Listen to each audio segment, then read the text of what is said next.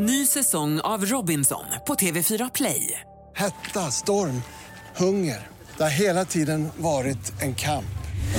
Nu är det blod och tårar. Fan händer just nu. Det. är Detta är inte okej. Robinson 2024, nu fucking kör vi! Streama söndag på TV4 Play. Du lyssnar på en podcast från Expressen. Fler poddar hittar du på expressen.se podcast och på iTunes. Det här är en inläst version av reportageserien Dagar som skakade Sverige, del 8. Om dagen då Europas framtid avgjordes. Dagen D. Ondskan måste utrotas. Fyren ska krossas. Omkring 200 000 soldater kom över Engelska kanalen och landsattes på franska kusten på stränder som skulle få berömda namn som Utah och Omaha. Det var den avgörande dagen i andra världskrigets långa och plågsamma historia. Dagen D, den 6 juni 1944.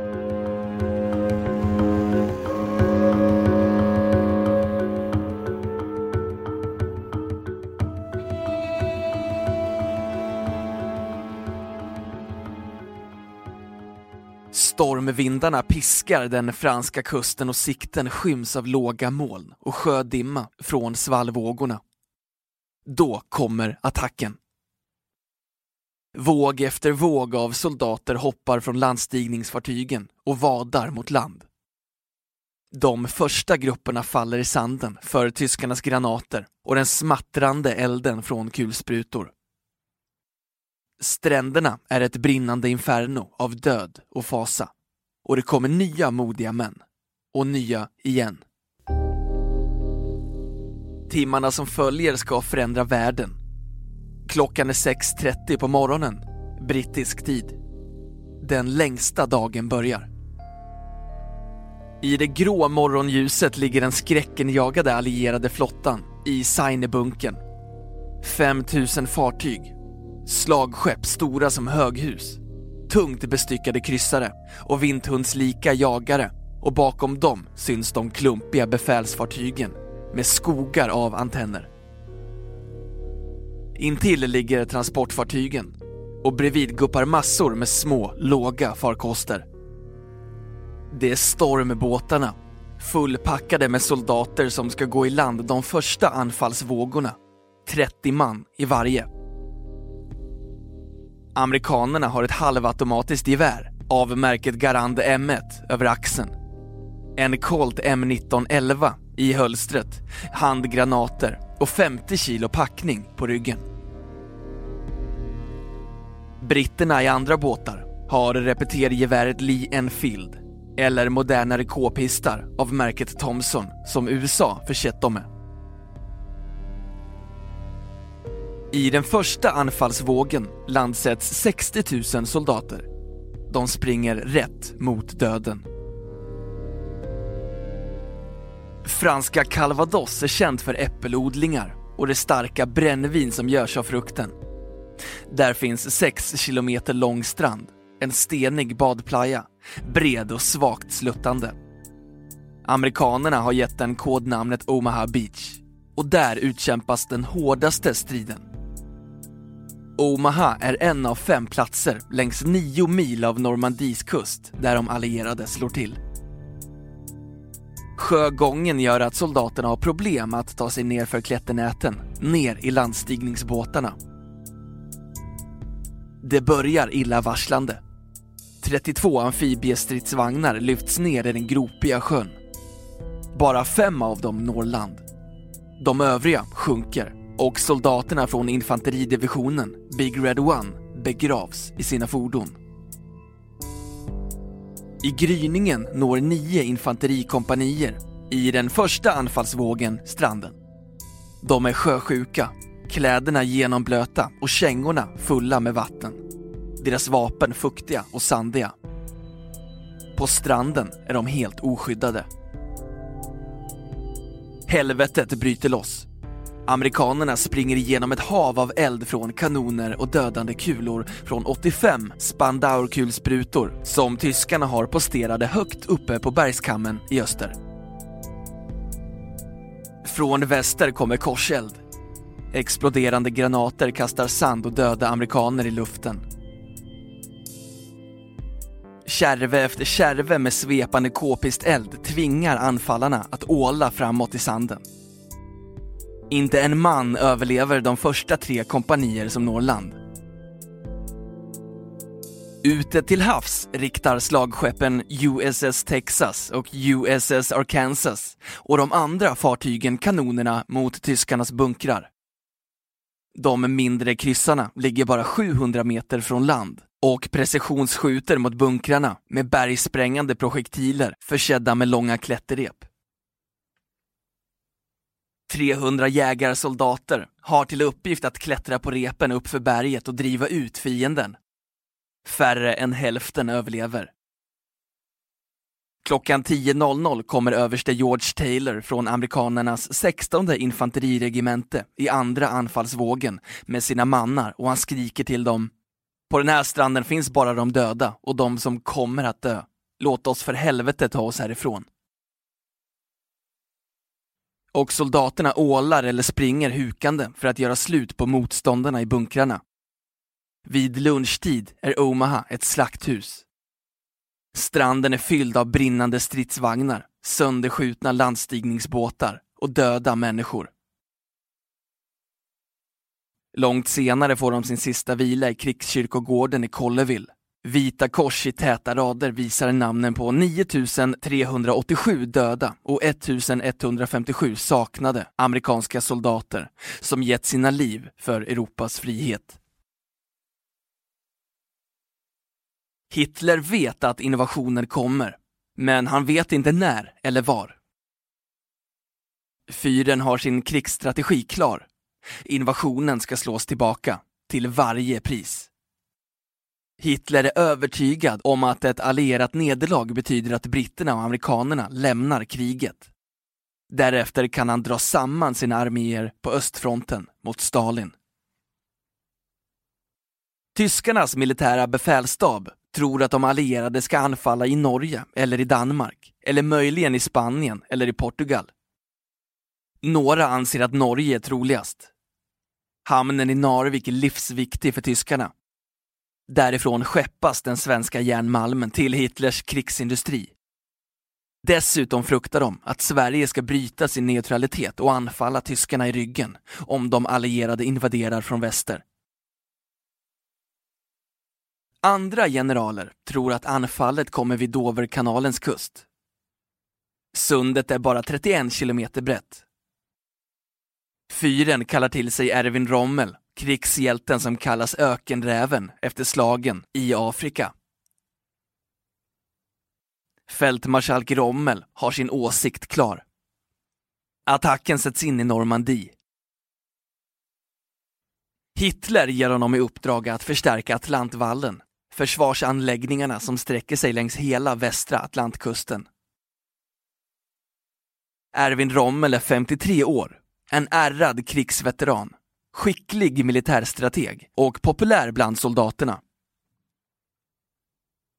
Ardennerplanen, då Tyskland besegrade Frankrike i ett blixtkrig genom att låta stridsvagnar slå igenom de belgiska ardennerna, är hans verk.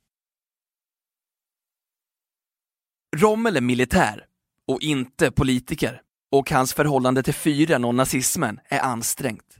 Och det blir hans olycka. Mer om det senare. Rommel sätter igång med jobbet i januari 1944. Det är bråttom. Innovationen kan komma vilken timme som helst. En kedja av bunkrar byggs eller förstärks Många förses med torn som tagits från franska stridsvagnar som erövrats 1940, så kallade Tobruksstånd. I vattnet mellan ebb och flodpunkterna drivs grova trädstammar djupt ner i sanden med spetsarna riktade mot havet. I toppen sitter stålskärare, avsedda att slita upp skrovet på landstigningsfartygen. På alla pålar sitter minor Taggtråd och vajrar placeras ut. Stränderna mineras och den värsta dödsfällan döps till belgiska grindar. Barriärer i vattenlinjen som består av minerade draktänder och betong av spetsig metall. Rommel förstår att öppna fält inåt landet ska användas för luftlandsättningar med glidflygplan och fallskärmstrupper. På fälten sätts kraftiga pålar i avsikt att krossa glidflygplanen då de landar.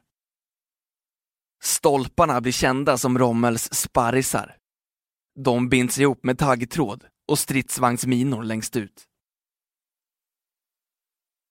De allierade ska få ett fasansfullt mottagande. Landstigningsbåtarna ska spetsas.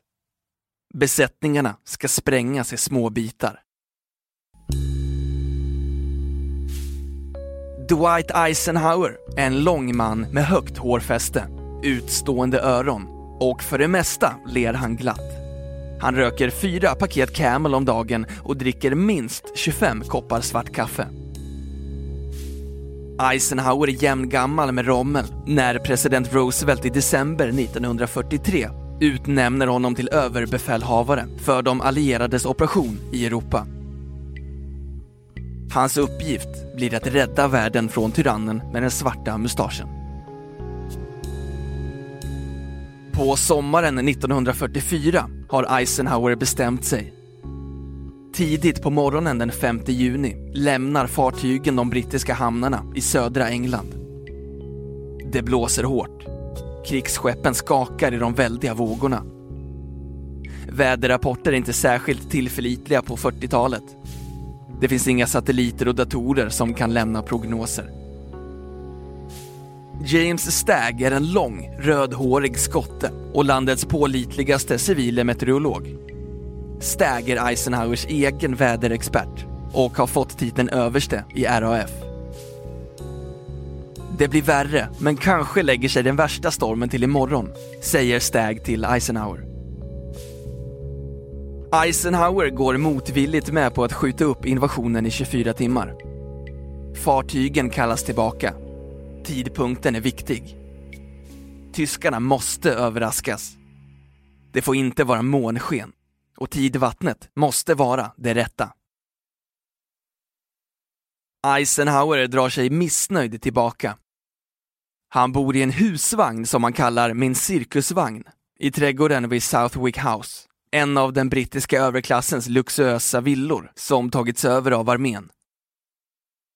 Husvagnen är dold med maskeringsnät och genom fönstret kan han blicka ut över ankarplatsen i Portsmouth där armadan ligger redo. På den enkla britsen brukar mannen som senare blir amerikansk president ligga och läsa västernromaner medan han tänder den ena cigaretten med den andra. Vid midnatt den 6 juni säger Eisenhower till sin stab. Det är dags. Vi kör. Operation Overlord startar. Den största amfibieoperationen i historien.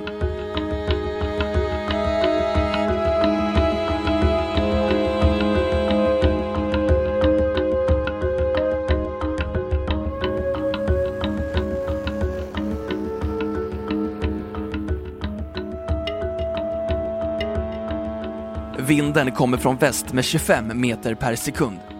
Vågorna som slår mot stränderna är två meter höga. Utanför Normandie ligger redan de allierades minsvepare så nära kusten att besättningen kan se ljusen i husfönstren. I mörkret sätts avledningsmanövrar in. Tyskarna ska luras. De allierade har i mer än ett år läckt information om att huvudattacken ska sättas in vid kusten utanför byn Cap d'Antifer, nära den viktiga hamnstaden Le Havre. Där finns en stor tysk armé, väl utrustad och redo att slå tillbaka invasionen. Lars Gyllenhaal är militärhistoriker och har skrivit flera uppmärksammade böcker om andra världskriget. Han säger de allierade klarade att hålla invasionsplanen hemlig genom att de spred vilseledande information om andra platser och tidpunkter. Samtidigt med den jättelika invasionsstyrkan avgår ett 30-tal mindre krigsfartyg ur den allierade styrkan mot Cap d'Annefer. Fartygen har ballonger i mastarna och på tyskarnas radar ser de ut som betydligt större fartyg. Tyskarna avlyssnar fartygens radiotrafik. De hör muller från kanoner. Ljudet är inspelat och skeppens högtalare riktas mot kusten och de hör också hur order ges. Tyskarna gör sig beredda, men de allierades fartyg ändrar kurs långt innan de är inom skjutstånd för fienden. Tyskarna vet inte vad de ska tro.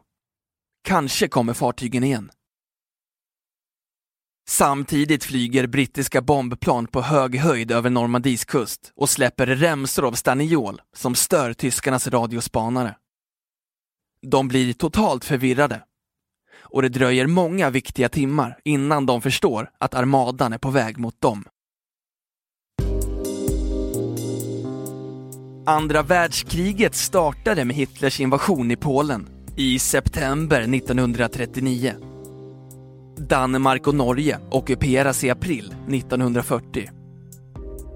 Därefter faller Belgien, Nederländerna och Luxemburg. Paris intas efter bara två veckors fälttåg. Fyren har fått krigskamrater i Italiens Benito Mussolini och Japans kejsare Hirohito. Tillsammans bildar de axelmakterna.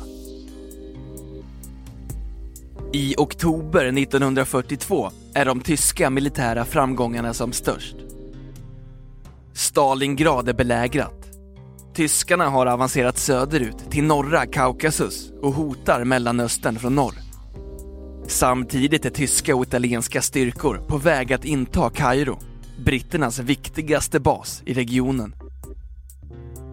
Japan bombar den amerikanska flottbasen Pearl Harbor i december 1941. Snart ska krigslyckan vända för tyskarna. Ökenslaget vid El Alamein i Egypten är det första stora bakslaget. Italienarnas styrkor krossas av brittiska pansartrupper och tyskarna tvingas till flykt i panik. Ett par dagar senare förlorar tyskarna slaget om Stalingrad. De hade ockuperat staden i sex månader och striderna var de blodigaste under andra världskriget. Över två miljoner människor dör. Från och med vintern 1942 till 43 är kriget avgjort för tyskarna. Striderna kommer allt närmare Tysklands egna gränser.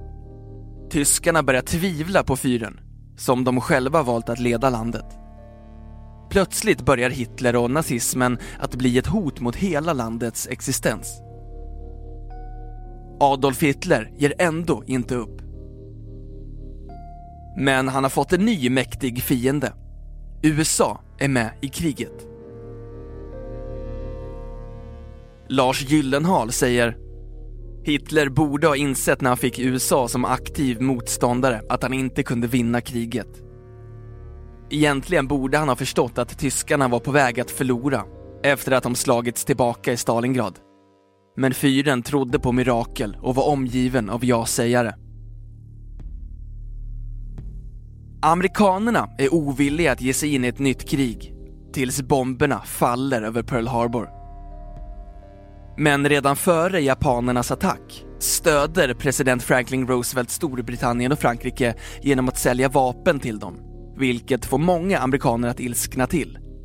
Bland dem flygledaren Charles Lindbergh som anser att USA ska hålla sig borta från inbördeskriget på andra sidan havet. Nu är folk rasande. Det är ett annat läge. Roosevelt är 59 år, inne på sin tredje presidentperiod och vallöftet då han väljs tredje gången är att han ska hålla USA utanför kriget.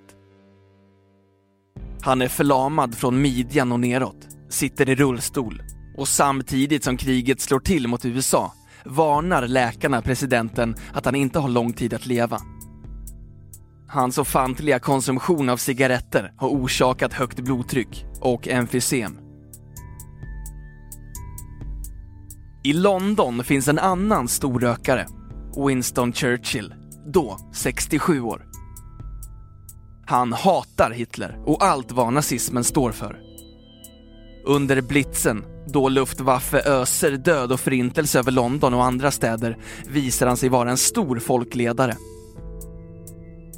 Han vägrar lämna London och leder motståndet från en bunker vid Whitehall, där de flesta regeringsbyggnader nu ligger. Han riskerar sitt liv på gatorna och tidningarna visar bilder på honom där han bär sin gammalmodiga fluga och röker en fet cigarr samtidigt som han med fingrarna gör sitt typiska V-tecken. V för victory, seger. De båda vännerna firar jul tillsammans i Vita huset 1941. På julafton tänder de ljusen i granen och håller varsitt radiotal till landsmän som längtar efter fred. Churchill och Roosevelt har viktiga saker att tala om.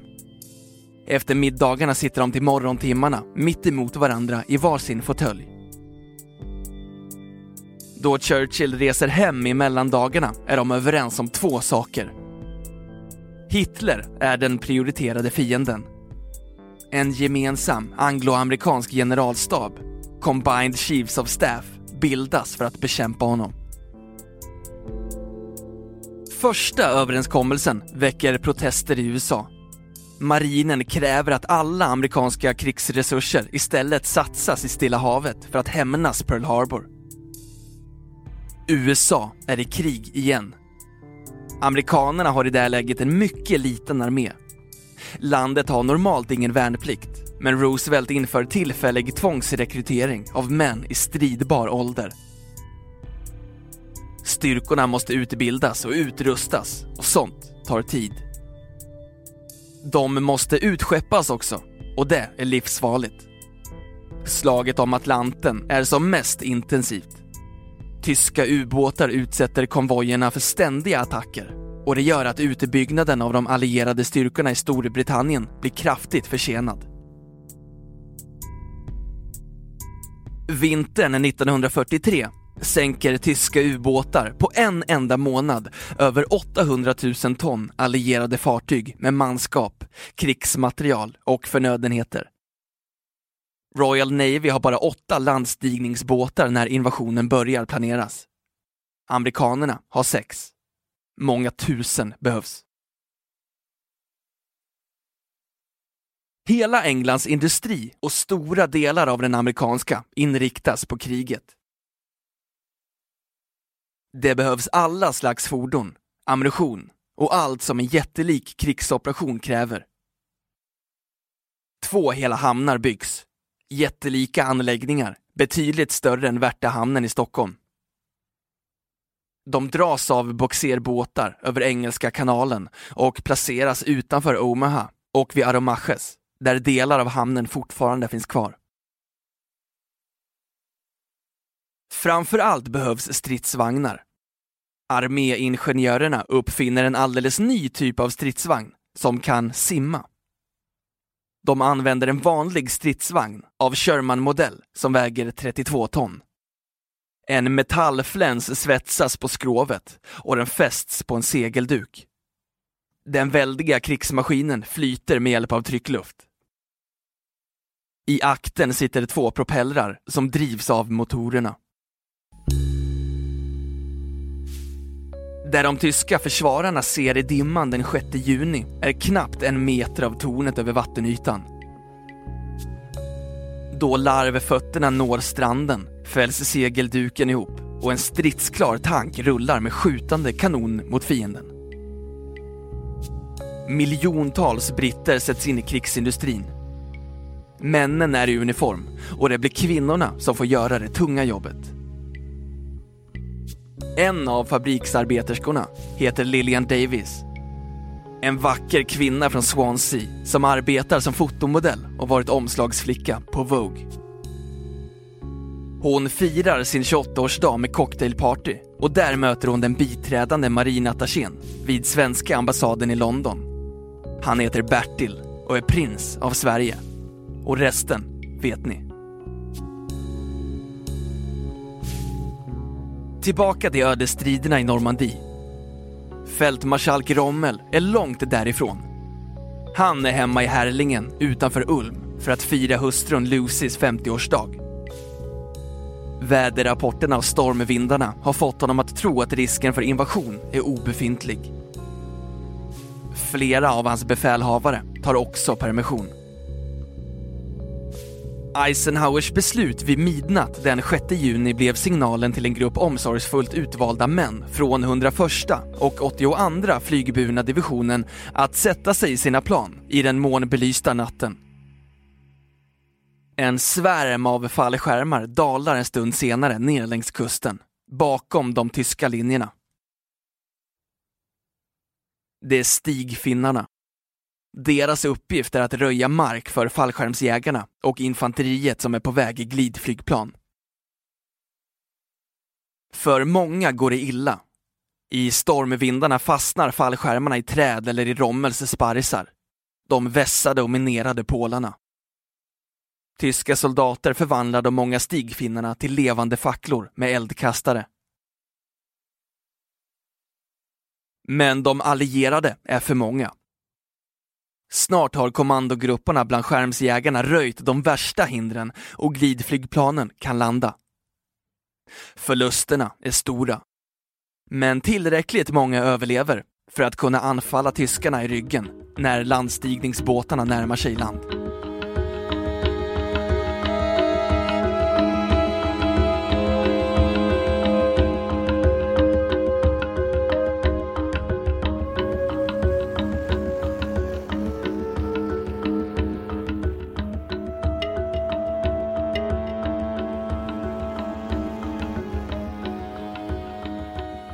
Utah-stranden är 16 kilometer lång med grå, fast sand.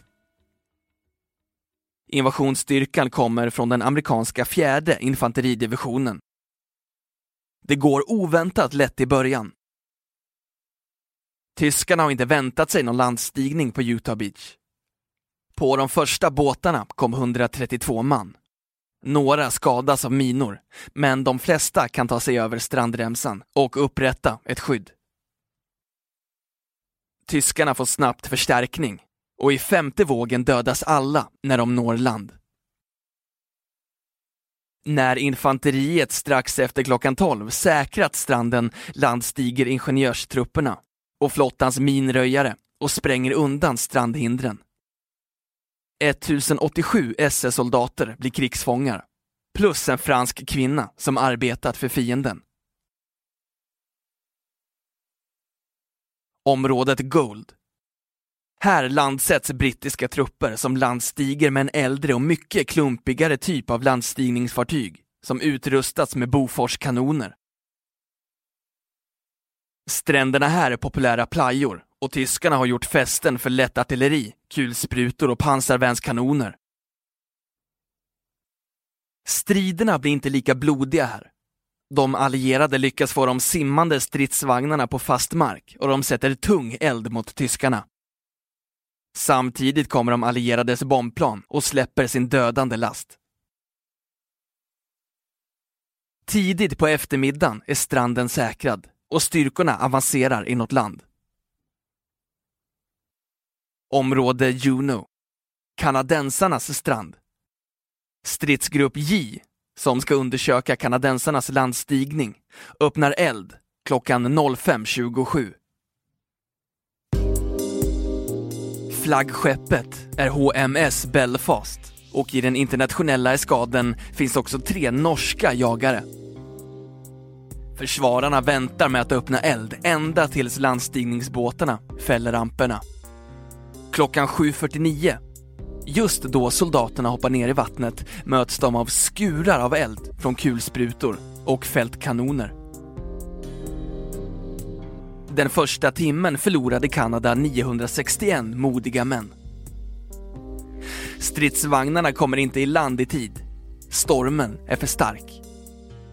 De var mer tappra än begåvade, skriver en officer senare i sin dagbok.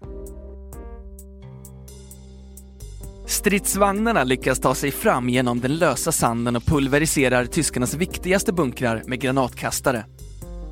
Slaget är över. Tyskarna flyr och civilbefolkningen kommer upp i sina källare. En fransman öppnar sin bar, där alla kan fira med vin och calvados. Officerarna varnar sina män för att dryckerna kan vara förgiftade. Ingen bryr sig, inte officerarna heller.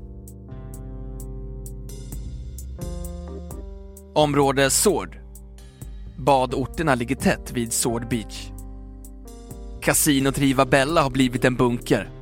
Och feriehusen Riva Bella, La Brecce och Leon Surmer är befästa fästningar. Försvararna som ligger i Vänern nära stranden höjer förvånat på ögonbrynen då specialbrigaden från Queens Own Cameron Highlanders landstiger. Förste man ur stormbåtarna är en lång man med kilt. På huvudet har han sin hjälm, över axeln sitt gevär. Han bär en rutig kilt som breder ut sig omkring honom i vattnet. I händerna har mannen, som heter Bert Millan, sin säckpipa och han spelar en marsch från hans gamla regemente, Scots Guards, medan han går genom bränningarna mot stranden. Bland granatkrevader, skriken från döende, brinnande fordon och piskandet från fiendens kulor som slår i sanden fortsätter Burt Millan att spela medan resten av soldaterna tar sig i land. I fyra år har Hitlers soldater ockuperat Frankrike. Nu kommer människorna från byarna till stranden för att hjälpa sina räddare. En sjuksköterskeelev råkar cykla förbi, på väg för att hämta baddräkten som hon glömt i en badhytt. Hon sätter genast igång att lägga förband på sårade. På stranden träffar hon en ung brittisk officer som blir hennes man när kriget är slut. General Eisenhower skickar ut en kommuniké som omedelbart flashas ut av alla världens nyhetsbyråer. Till Västeuropas folk. I morse landsteg allierade styrkor på den franska kusten. Invasionen är början till slutet för diktatorn i Berlin. Än är kriget inte över. Fältmarskalk Bernard Montgomerys samarbete med Ike Eisenhower kunde ha börjat bättre. Monty inleder deras första planeringsmöte med att skälla ut sin amerikanske chef för att han hade fräckheten att röka i tältet där de sammanträdde. Montgomery är brittisk krigshjälte, segraren från slaget i Egypten. Han var med vid landstigningen på Sicilien och ledde framryckningen i Italien. Eisenhower och Monty, som tar en öl tillsammans på puben, blir aldrig vänner. Britten är arrogant Hans ego är större än månen. Men han är en skicklig militär. Montgomery leder de allierades landoffensiv i Normandie. Det tar två månader innan striderna är över. Den 25 augusti befrias Paris. Hundratusentals jublande parisare rusar ut på gatorna och omfamnar soldaterna och sätter rosor i deras gevärspipor. Staden är ganska oförstörd trots fyra års ockupation. Det kunde ha varit annorlunda. Hitlers bestämda order är att Frankrikes huvudstad ska förvandlas till en grushög då tyskarna drar sig tillbaka. Än idag minns parisarna en svensk hjälte som räddade staden. Han hette Raoul Nordling, var då 62 år och svensk generalkonsul. Nordling lyckades övertala tyskarnas befälhavare, Dieter von Scholtitz, att vägra utföra Hitlers order. Generalen kapitulerar då de allierade intar förorterna. Norling blir efter befrielsen hedersmedborgare i Paris tillsammans med Eisenhower och Churchill. Inför 70-årsjubileet 2014 regisserar tysken Volker Schlöndorff som gjorde Bläcktrumman, en film om Nordling. År 1966 spelades svensken av Orson Welles i storfilmen Brinner Paris. Erwin Rommel råkar illa ut. Efter tyskarnas militära fiasko i Normandie inser en grupp höga militärer att kriget är förlorat och att Hitler måste bort. Den 20 juli försöker överste Klaus von Stauffenberg mörda fyren i hans varglya i Ostpreussen. Hitler överlever och några timmar senare avrättas översten och hans sammansvurna. Men Hitler upptäcker att kuppmännen planerar att sätta in Rommel som Tysklands ledare om attentatet lyckas. Fyren ger order om att Rommel måste dö. Krigshjälten är populär bland tyskarna och Hitler känner sig hotad. Den 14 oktober kommer två officerare från Hitlers högkvarter till Rommels bostad. Fältmarskalken får två val. Självmord eller att familjen skickas till koncentrationsläger och Rommel själv döms till döden för högförräderi. Rommel ser ingen utväg. Vid köksbordet, inför ögonen på officerarna, sväljer han bägaren med det snabbverkande giftet. Rommel får en statsbegravning med pompa och ståt. Den officiella dödsorsaken är hjärtslag. Allting arrangerades av propagandaminister Goebbels. Den 30 april 1945 når ryska trupper Berlins förorter och Adolf Hitler inser äntligen att han har förlorat. I Führerbunkern i Berlin sätter han sin Walterpistol mot tinningen samtidigt som han sväljer en giftampull. En vecka senare kapitulerar tyskarna i Europa. Sex år av död, lidande och ondska är över.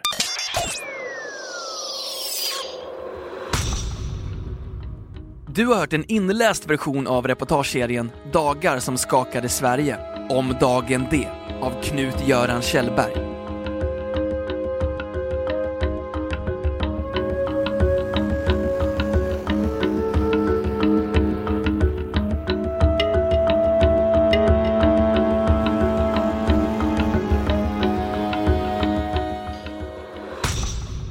Du har lyssnat på en podcast från Expressen. Ansvarig utgivare är Thomas Mattsson. Fler poddar finns på Expressen.se och på iTunes. Ny säsong av Robinson på TV4 Play. Hetta, storm, hunger. Det har hela tiden varit en kamp. Nu är det blod och tårar. Fan händer just nu. Det. är Detta är inte okej. Robinson 2024, nu fucking kör vi!